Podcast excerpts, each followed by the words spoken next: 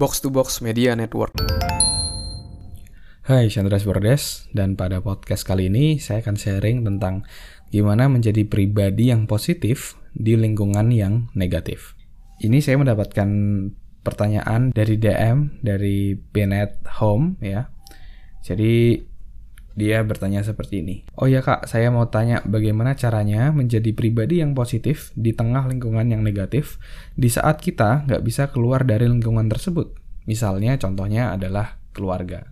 Oke, jadi kalau misalnya keluarganya apa namanya kurang positif ya, terus gimana kita bisa tetap menjadi pribadi yang positif di sana.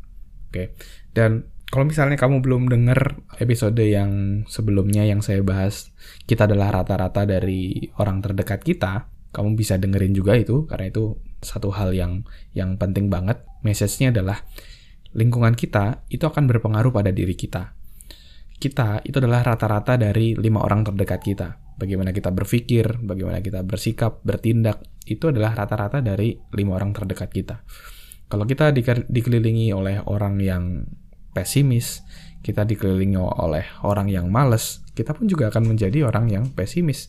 Kita pun juga akan menjadi orang yang males kayak gitu.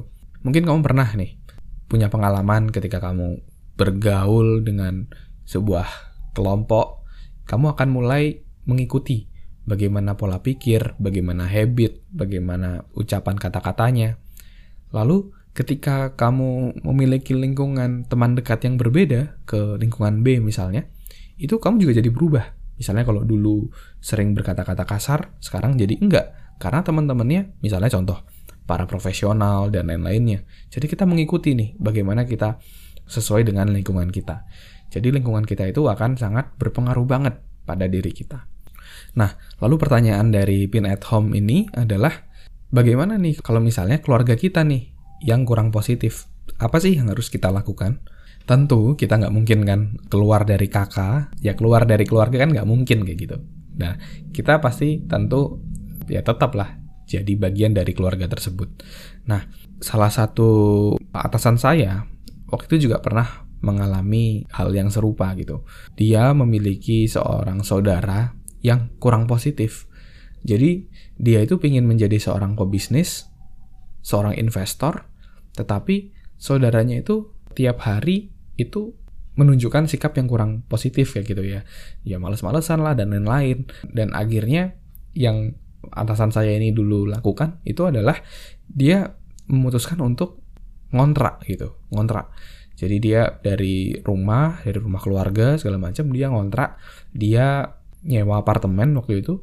Terus ketika saya tanya kenapa kok begini, kenapa nggak di rumah aja, toh rumahnya deket. Ya dia bilang kalau ya kalau dia bergaul seperti setiap hari seperti itu ya dia nggak akan bisa breakthrough breakthrough kehidupannya nggak akan bisa jadi jauh lebih baik maka dari itu dia jadi dia mengubah dari lingkungannya sehingga dia bisa mendesain sehingga dia bisa mengelilingi dengan orang-orang yang jauh lebih baik dari dirinya dan yang mendukung dia untuk jadi jauh lebih sukses. Nah, tapi tentunya tidak semua orang memiliki privilege seperti itu gitu. Pasti ada orang-orang yang memang belum bisa keluar dari rumah dan lain-lainnya kayak gitu. Nah, kalau misalnya tidak bisa keluar dari rumah dan lain-lain, jadi masih harus tetap stay bersama keluarga tersebut yang mungkin beberapa memiliki pengaruh yang negatif yang kamu rasa bikin kamu nggak bisa bertumbuh. Saran saya adalah kamu jangan jangan terlalu sering gitu ya untuk berkomunikasi. Kalaupun misalnya kamu berada dalam lingkungan keluarga yang seperti itu, saran saya adalah kamu jangan sampai terpengaruh dengan kata-kata yang misalnya pesimistis dan lain-lain sehingga membuatmu sulit untuk bertumbuh.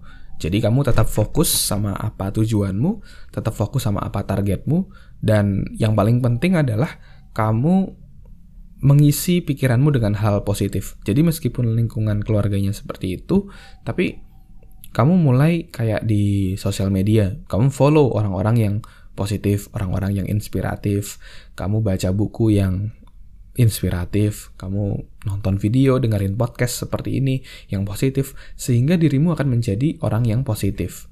Oke, okay? nah jadi kamu bisa menjadi orang yang positif dengan mendesain lingkunganmu, mendesain kamarmu lah gitu ya, sehingga meskipun orang-orang di sekitar adalah orang yang kurang positif, kamu bisa menjadi orang yang positif dan bisa justru berpengaruh pada mereka. Ya.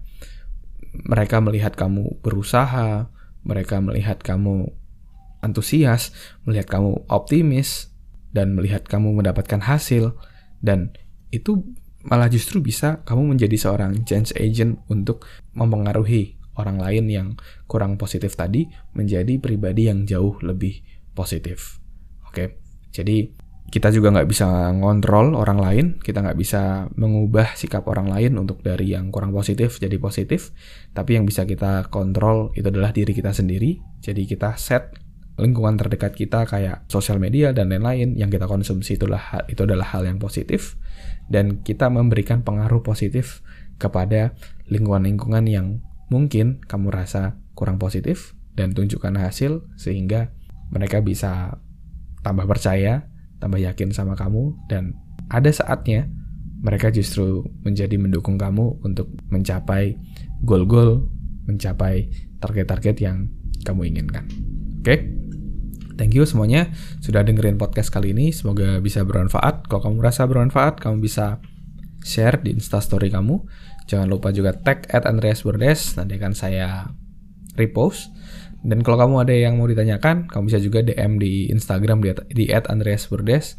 Nanti pertanyaan kamu akan saya bahas di podcast. Dan kamu bisa juga cek link di deskripsi, ada beberapa resources yang bisa kamu dapatkan secara gratis untuk bisa membuatmu untuk jadi jauh lebih sukses. Oke, okay? thank you semuanya udah ngedengerin. Sukses selalu and keep healthy.